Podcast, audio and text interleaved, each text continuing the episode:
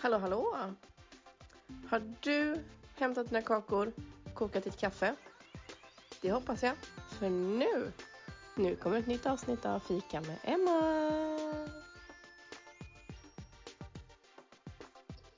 Dagens gäst är en fyrabarnsmamma som även kallar sig för funkismamma då hennes ena barn har en ovanlig kromosomavvikelse.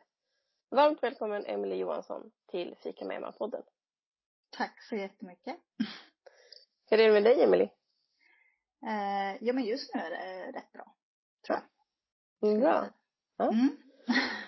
Och vi eh, kör ju på länk. Jag kör de flesta av Mm. mina eh, intervjuer på länk. Eh, och när vi spelar in detta så är det kväll. För det var då det passade oss bäst. Ja men precis. Med barn och sånt där. Ja men jag har varit inne på ditt konto ju och hittat några bilder och så ska vi eh, samtala lite kring dem och sen så lär man känna dig på vägen tänker jag. Ja men precis. Så ja, vi börjar väl med första bilden. Ja. Och första bilden är, jag scrollade väldigt långt ner på ditt konto. Mm. Du, hade, du hade många bilder. Ja, jag har ju det. Ja.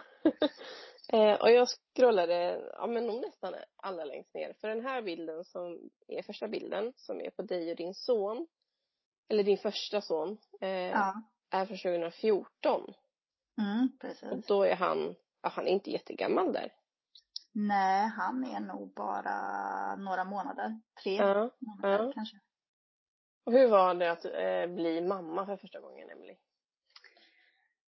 Eh, ja men det var eh, spännande. Hur Eh, det gammal inte var du? eh, Jag var bara 22. Var Mm. jag. Och, Mm. eh, Jag är väldigt ung mamma. Ja, och eh, min sons pappa då, han var bara 19, hade precis fyllt 20 när han eh, Oj. kom. Ja. Så vi var väldigt unga båda två faktiskt. Mm. Eh, Och det var ju inte planerat så, så att det var ju en, en resa Mm. var det. Men det är ingenting som jag någonsin skulle ångra så. Är det inte. Nej. Hur gammal är han idag? Eh, han fyllde precis nio nu. Mm. För några dagar sedan bara. Mm, då börjar han närma sig, ja, inte tonåringen än kanske men. Ja, nej, men eh, man blir lite så nästa år fyller han tio. Så Ja. eh, börjar man känna sig lite gammal. Man har varit mamma i tio år nu. Ja, precis. Tioårsjubileum. Mm, vi får fira stort. Men, men du var ju ung. Blev det, hade du mycket fördomar att bli liksom mamma vid den åldern? Var det mycket kompisar som tyckte Nej. och tänkte eller? Nej, alltså jag har nog alltid velat vara en ung mamma tror jag. Mm. Eh, Så det är nog någonting som har funnits med mig hela tiden egentligen, att jag har velat haft barn. Mm. eh, är det. Så att eh, för mig eh, så var det nog inget som blev jobbigt på det sättet. Eh, Nej. För någonstans innerst inne så ville jag nog bli mamma, även fast graviditeten inte var helt planerad. Mm. Var, var den bra då, graviditeten? Gick det bra hela vägen? Mådde du bra? Ja, men eh, det gjorde jag. Mm. Eh, skulle jag nog säga. Eh, Mm. Det var väl lite så, eh, jag, eh, min pappa har ju haft en stroke då. Eh, så att eh, Mm. det, han har en ärftlig sjukdom så. Så att eh, det kom ju mitt i den graviditeten att jag var tvungen att ta eh, sprutor då, eller inohepsprutor och äta blodförtunnande. Så det var väl det som var jobbigt under den graviditeten. Och Mm. behöva ta sprutor varje dag då. Var det för att eh, eh, förhindra att han eventuellt, din son, skulle få sjukdomen också? Nej, det var för att förhindra att jag skulle få blodproppar. Eh, Aha, för jag är ju okej. benägen att få eh, blodproppar lättare då. Eh, Ah, än, okej. än, än vanlig då. Mm. Mm, Så det var därför. jag förstår. Var du orolig någon gång över det? Eh, ja men det var jag nog när jag fick det beskedet att jag var tvungen att börja ta sprutor. Eh, Mm. Så är man ju alltid lite känslig när man är gravid också så att det blev väl ett extra så att jag tyckte det var väldigt tufft. Mm. Men eh, nu idag är det ju ingenting som jag tänker på ens. Men eh, då gjorde man nog det lite. Mm. Men så får du också en till son ju. Mm. Hur- När föds han? Han föds 2015 och min första 2013. Mm. Så det är två år emellan dem då? Ja, ett och ett halvt är det mellan dem precis. Ja. Är det. Och då tog du också sprutor? Du har gjort det i alla dina graviditeter kanske? Eh, nej, eh, för det, det var lite roligt faktiskt. För de tog sådana tester då. Och det visade sig att jag var positiv på de testerna med min första son. Sen Mm. tog de nya tester efter och då var jag inte positiv längre. Eh, så under andra graviditeten behövde jag inte ta några sprutor. Och eh, inte tredje och inte fjärde heller. Men sen nu efter fjärde graviditeten så upptäckte de att jag visst är positiv för det här APC-resistens då. Som det heter. Eh, Okej. Så det blev någon liten miss där i deras prov, prover. Så du har varit positiv hela tiden fast du inte har vetat om det? Ja, precis. Det har det varit. Oj. Okej. Hur känns Mm. det liksom att få det i, i, ansiktet Ja, alltså efter, här efter tre, fyra graviditeter? Ja, så här i efterhand så eh, känner man ju kanske att eh, det hade, jag hade ju lika gärna kunnat få en blodpropp då Ja. under mina andra graviditeter. Just eftersom man löper lite högre risk att få proppar under en graviditet liksom. ja. Men det har du klarat dig ifrån då antar jag? Ja, det har jag Mm. gjort. Ja. Ja, du har två söner och eh, Mm. om vi går till nästa bild så är det en bild på dig och sen eh, din första dotter. Ja, precis. Så då får du ditt tredje barn och detta är Mm. eh, 20, nej, 2019. Ja, Mm. precis. Och på bilden så står det också att det blev en tuff start för våran prinsessa. Mm. Berätta lite mer om varför, hon heter Majken. Ja, hon heter Majken. Och varför Eh, blev det en tuff start för Majken i livet? Eh, alltså till en början så trodde vi bara att hon föddes med, hon kom ju med kejsarsnitt då, planerat eftersom jag fick en förlossningsskada med andra eh, då. Ah, okej. Eh, så det blev, hon kom i snitt. Eh, och hon började att vara väldigt slö liksom, hon ville inte äta och hon, ja, hon liksom gav ingen respons så när vi Mm. låg på BB. Mm. Så då tog de ju lite tester och sådär och då visade det sig att hon hade lågt blodsocker. Eh, jättelågt blodsocker så hon fick ju liksom åka akut upp till Neo. Eh, men de sa ju att det var vanligt bara, att vanligt liksom att barn som föddes med kejsarsnitt kunde ha lite lågt blodsocker. Mm, okej. Så det var ingenting mer med det så. Eh, mer än att vi fick ligga inlagda på Neo då en vecka. För att få upp hennes blodsocker och få henne att äta och gå upp i vikt och sådär.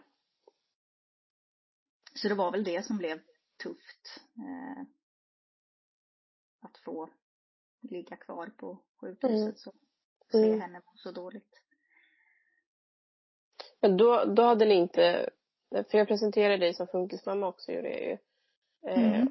och, eh, och det är ju Majken som har en ovanlig kromosomavvikelse. Ja. Men det visste ni inte då alltså? Nej, det visste vi inte. Utan När, eh, när, liksom, när fick ni reda på det då? det fick vi reda på, eller reda, diagnosen fick vi när hon var fyra, fem månader. Ja, så pass långt? Eh, ja, men det är ändå ganska tidigt. Eh, Ah, när okej. hon Mm. barn med diagnoser. Men eh, när vi kom hem så satte hon i halsen så vi fick åka in akut till sjukhuset. Eh, och då var hon väl, ja, två veckor kanske. Två, tre veckor. Och då, då fick vi träffa en väldigt bra läkare som var lite, ja, expert på eh, just funkisar då. Så han, eh, han såg ju att hon hade ett ja, avvikande utseende då. Och sen hittade han blåsljud på hjärtat. eh. Så då fick vi komma på en extra kontroll sen efter och då berättade han för oss att han trodde att Majken hade någon ovanlig diagnos då. Och då Mm. startade han en sån eh, genisk utredning då. Vet, vet du idag vad det, vad det är för ovanlig kromosomavvikelse hon har? Ja. Vad den heter och så? Ehm, Den heter så mycket som coexisting 9p duplication and deletion. Vilket långt namn. Mm. Hon är ju typ en av 20 i världen. 1,20 I världen, oj. Ja, som har eh, liksom en bekräftad diagnos. Sen Mm. finns det säkert massa fler men eh, Mm. Det finns det mycket forskning på detta? Alltså just på hennes Nej. diagnos tänker jag. nej, det gör ju inte det. Det är det som är så tråkigt att läkarna vet ju typ lika mycket som oss. De får ju läsa sig till hennes och det finns ju bara på, på engelska då, Ja. information. Hur kändes detta då liksom att eh, när man, man, kan ner fyra månader och få det här där liksom Någonstans så var vi nog ändå förberedda på att det skulle komma en diagnos. Och det blev nog en lättnad att man fick en diagnos för att då fick man någonting att förhålla sig till. mm. Eh, sen eh, sörjde ju jag väldigt mycket att Majken inte var som alla andra. Eh, för jag hade en kompis som fick barn, ja, bara sex veckor efter mig tror jag det var. Mm. Och då hade ju jag någonting att jämföra med hela tiden. Eh, Man har ju byggt upp liksom eh, förväntningar. Eh, om, jag menar man har ju gjort upp liksom en framtid i huvudet. Ja, det är klart. Eh, och sen blev det inte så. Och man Mm. började förstå att det aldrig någonsin kommer bli så troligtvis. Och det är ju en Mm. väldigt stor sorg. Men jag tror att den får man bearbeta under, ja men under hela livets gång egentligen. Får du någon hjälp att bearbeta den? Ja, jag har gått hos eh, kurator på habiliteringen och jag har fått jättebra hjälp så. Eh, Mm. Men jag tror man, man kommer ju ett steg längre i acceptansen ju längre tiden går liksom. Eh, Så i början då var man ju verkligen så här, åh, hon kommer nog aldrig kunna sitta eller, alltså man hade ju så låga förväntningar men hon har ju tagit sig jättelångt idag liksom och utvecklats massor så man får ju förhoppningar och hoppet liksom håller sig vid liv hela tiden. Mm. Fika med Emma. Vi ska också berätta för eh, lyssnarna att eh, om man vill ha lite mer inblick eh, under tiden eh, intervjun pågår så får man jättegärna gå in på mitt konto. Så kan man Mm. också där eh, se på alla bilder som vi pratar om. Mm. Och jag länkar också till ditt konto så att man kan få Ja. gå in och, och få följa din vardag mera om man blir Mm. nyfiken på det. Mm, absolut. Men vi tar nästa bild och det är en bild också på Majken när hon ligger i en sjukhussäng. Mm. Eh, och då står det att operationen har gått bra. Men efter har det varit skit. Majken ligger nu på BIVA. Och hon har fått fruktansvärt ont och syresätter sig dåligt. Mm. Vad är det för operation hon har gjort här? Eh, hon har gjort en skalloperation Mm. eh, då hennes huvud växte ihop alldeles för fort i magen. Så Okej. hjärnan hade för lite plats att växa på. Så då eh, var de ju och, ja, jag vet inte exakt vad det är de gjorde men eh, de har ju i stort sett pusslat om hennes skallben så att hjärnan har större plats att växa på liksom. Okej. Ehm, Fantastiskt att någon kan göra det, ja, tänker jag. ja men verkligen, för dem är ju, var ju det här en operation som de gjorde ofta liksom. Mm. Men eh, just att eh, huvudet blir ju väldigt, väldigt, väldigt svullet eh, efteråt. Eh, så det ser nog mer otäckt ut än, eh, än vad, vad själva operationen är så. Ja.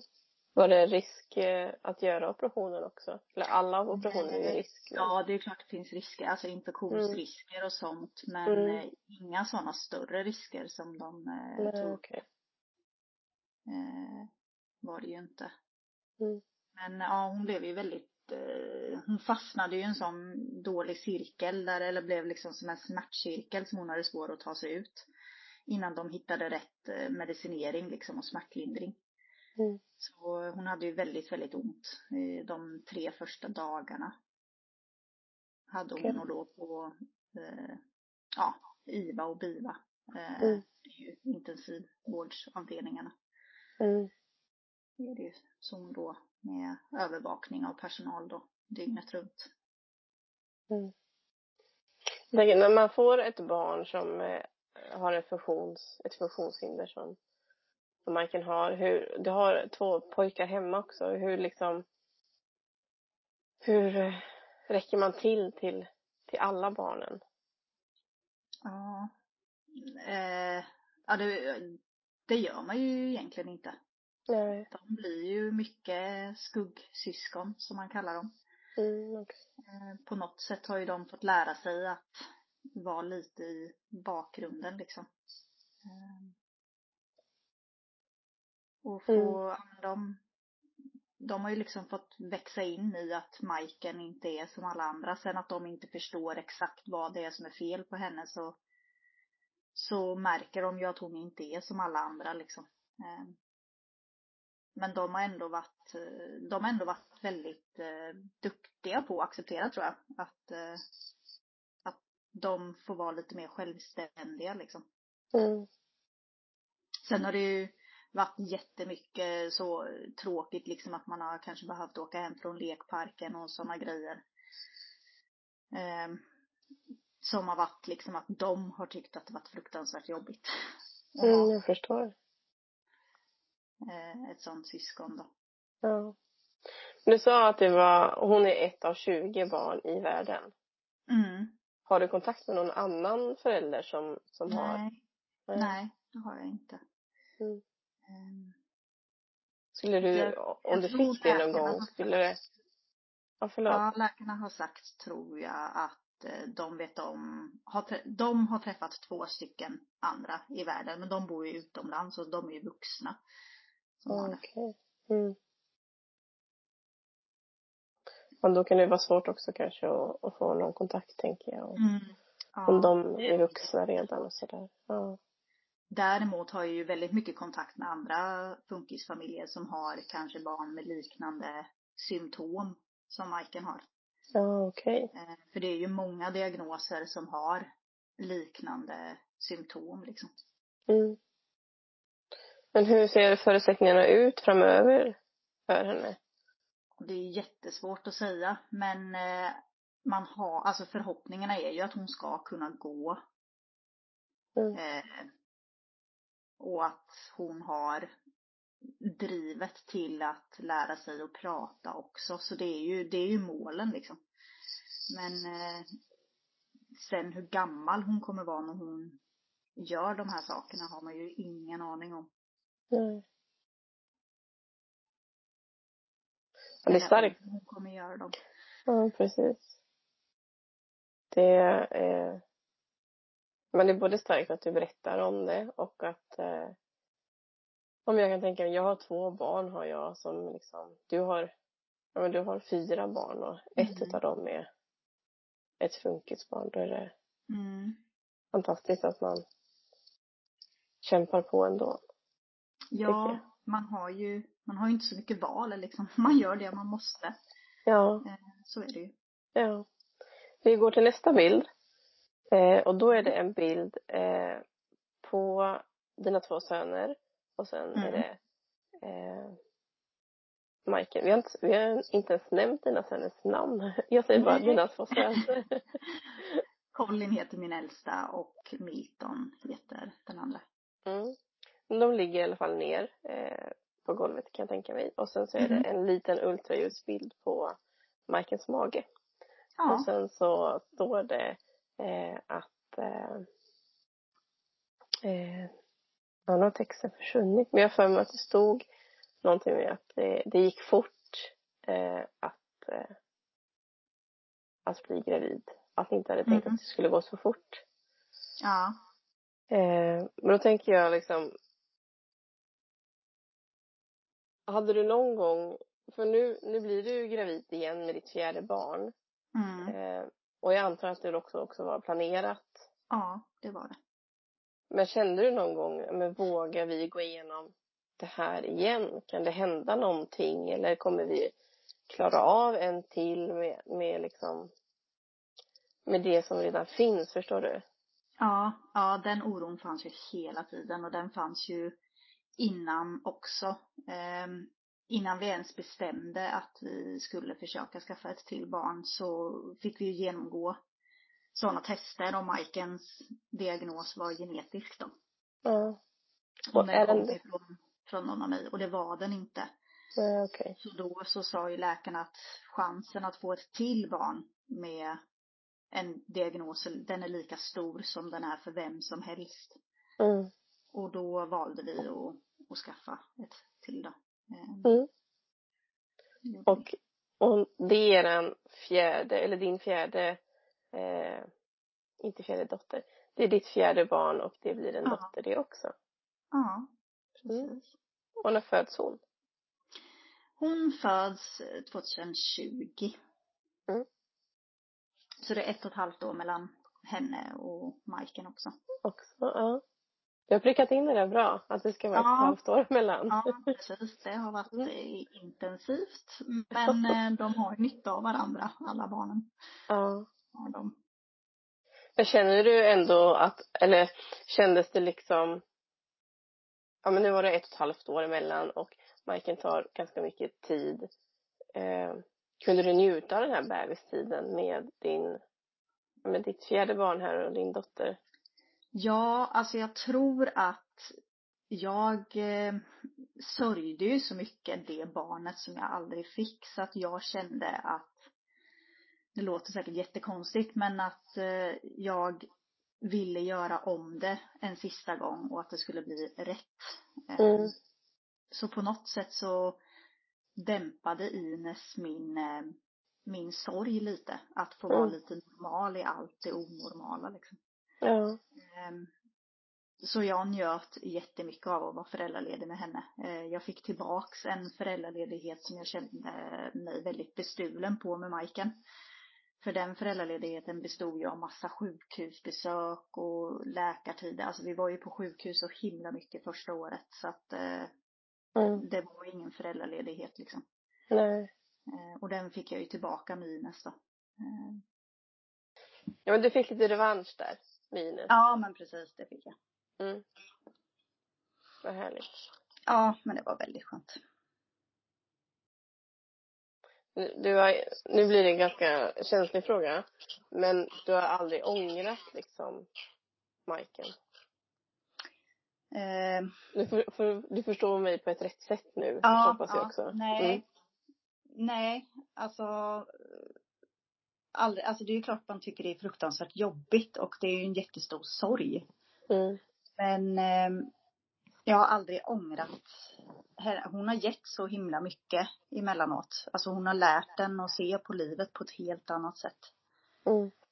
Eh, sen är det ju skittufft och vissa gånger så önskar man ju att man hade fått det där barnet man förväntade sig och ja, man har ju ofta tänkt varför just vi. Av alla i hela världen så skulle vi få ett sånt barn. Mm.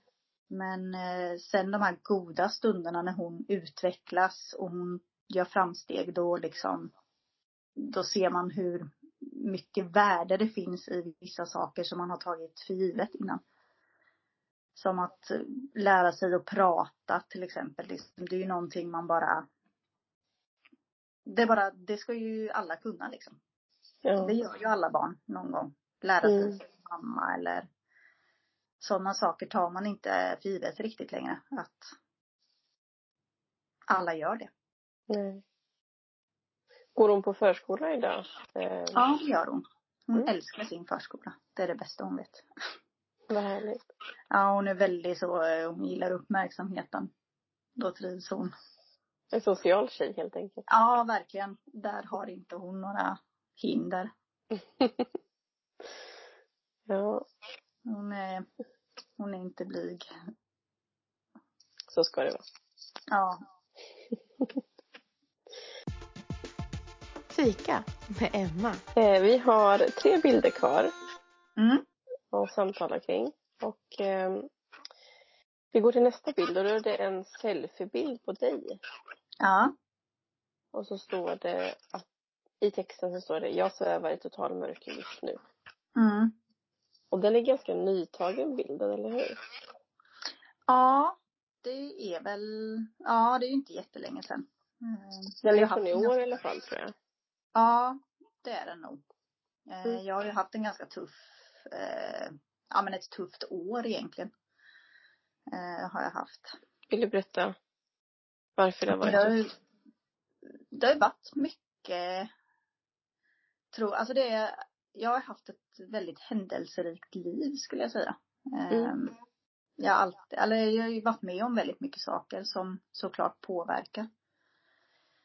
Och sen eh, efter Ines kom så började jag träna väldigt mycket.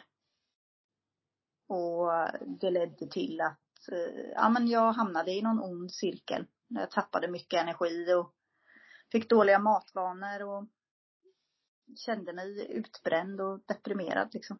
Mm. Eh, Livet kom, i, kom ifatt lite. Eh, gjorde det. Du gick in i väggen kan man säga. Ja, ja, jag blev liksom, ja men fick tillbaks mycket ångest och sånt som jag har haft eh, tidigare. Eh, för jag har varit, jag har haft utmattningssyndrom 2017. Eh, så det kom väl tillbaka lite i, eh, för ett år sedan. Eh, Mm. Förra sommaren då. Kanske inte heller så konstigt tänker jag med att eh, ja men det som som hände när Majken föddes också då. Och Ja men precis. hela den processen. Precis. Ehm, ja, nej men livet kom nog ifatt tror jag. Ehm, Mm. ja, ja, ta hand liksom om fyra barn och en funktionshindrad och så börja jobba på det liksom. Ehm, om man ska klara av att bobbla allt. Men blev du sjukskriven någonting då? Nej, det blev jag inte. Vi kommer in på nästa bild och då är det Mm. en bild på en stig och sen är det eh, träd. Ja, Och så står det TW och det är ju en triggervarning betyder det, eller hur? Precis. Eh, vill du berätta lite om vad du delar med dig under just den här bilden? Ehm, men där väljer jag ju att gå ut med att eh, jag eh, har en ätstörning då. Mm. Ja, Och det fick du liksom eh, den eh, jag nog under den perioden då, då jag började träna så mycket. Ja som du berättade. Ja, precis. Ja, precis. Det blev någonstans att jag började gå ner i vikt och det där blev ju lite som en drog eh, till sist istället att ja, man ville ticka ner ännu mer på, på den där vågen. Och sen Mm. började tankarna på att mat gör mig tjock eh, komma. Eh, och att jag, ja men jag nöjde mig aldrig när jag tittade i spegeln och tyckte att jag kan gå ner lite till liksom. Så Mm. på den bilden så delar jag ju med mig av, av just det att, ja men det blev som någon, ja lite att jag accepterade det när jag delade med mig av att så här är läget liksom. Visste din familj och sånt om, om det här innan? Du, Ja, eh, mina föräldrar och min närmsta kompis eh, och min sambo då. men hur, hur reagerade, eller hur kändes det att liksom, fick du bra eller dålig respons eller när du delade det? Nej, jag fick ingen dålig respons. Det är klart, mina föräldrar blev ju jätteoroliga. Eh, Mm. blev de ju. Men eh, de har varit väldigt stöttande. Så Mm.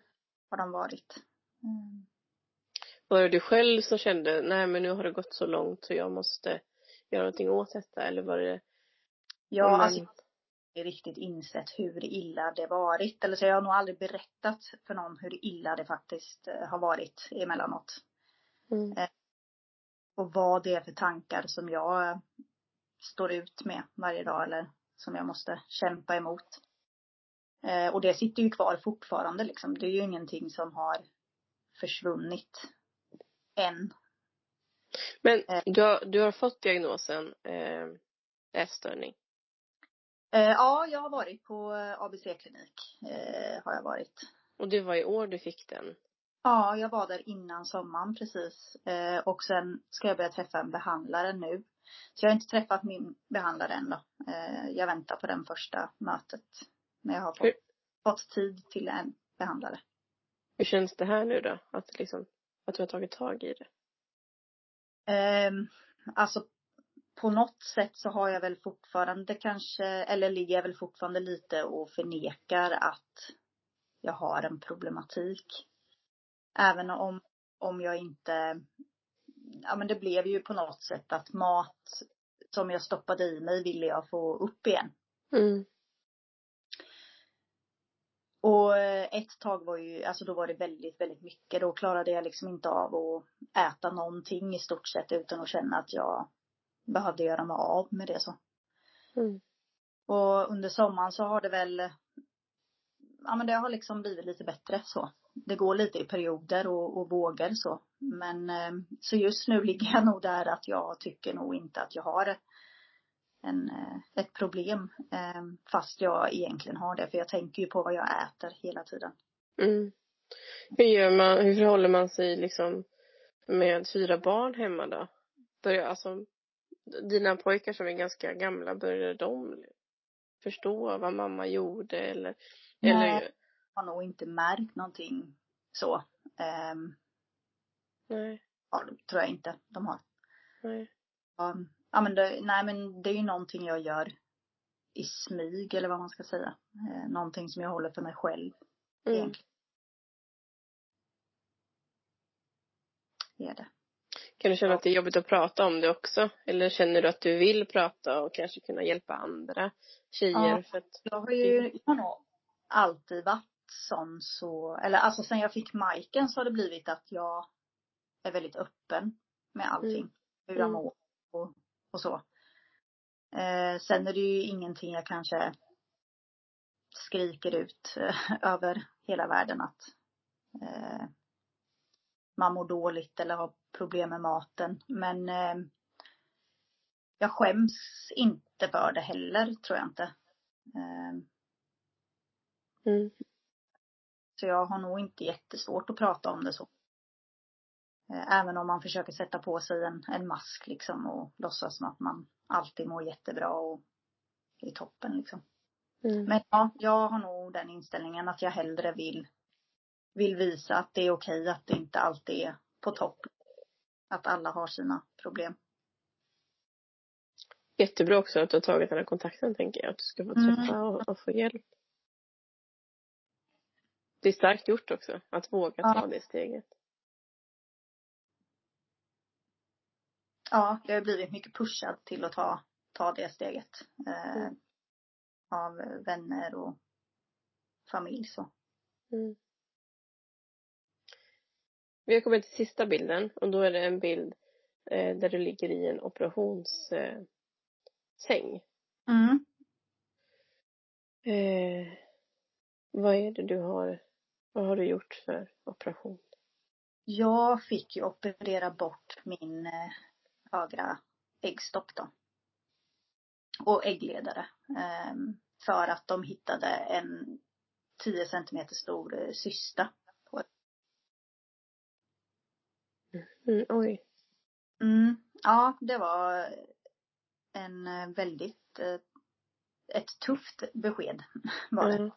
Ja. De som kom innan sommaren i, på våren som också, det liksom spädde ju på det här dåliga måendet som redan fanns.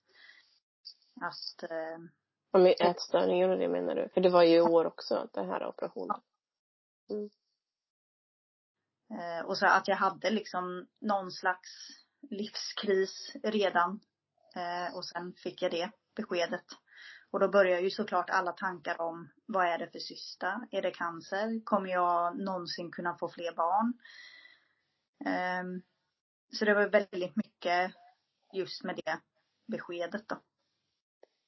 Har du fått svar på de frågorna idag? Vad det är, om är det cancer och kan du få barn i framtiden om det skulle vara så att du vill ha fler? Ja, det var inte cancer i alla fall. Tack och lov. Utan den var ju och, mm. och så var den ju. Um, barn säger de ju att jag kan få fortfarande. De säger att den vänstra äggstocken tar över allt. Allt sånt. Eh, och det är ju ingenting jag testat heller. Uh, att bli gravid. Det ligger väl inte sådär jätte, jättenära liksom. Vill jag Nej. Men eh, bara just där att känna att man hade kunnat om man hade velat. Mm. Eh, men eh, ja, nej men så det vet jag ju inte. Men de säger ju att det inte ska, ska vara några problem. Mm. Du har haft en ganska mm, omtumlande vår och sommar tänker jag. Ja. ja, men jag har nog alltid, jag ser mig lite som en sån otursfågel. Mm. Eh, jag har alltid, alltså det har alltid varit någonting så. Speciellt med graviditet och förlossningar och sånt. Eh, det har varit något efter varje graviditet i stort sett som har hänt. Förutom den sista då. Mm. Ja, du är väldigt stark som ändå kämpar på. Ja. Ja, man har ju inte mycket till val liksom. Man får ju göra det man måste. Ja. Men eh, ja, det har ju påverkat vem man blir som människa. Mm. Hur ser hösten ut nu då?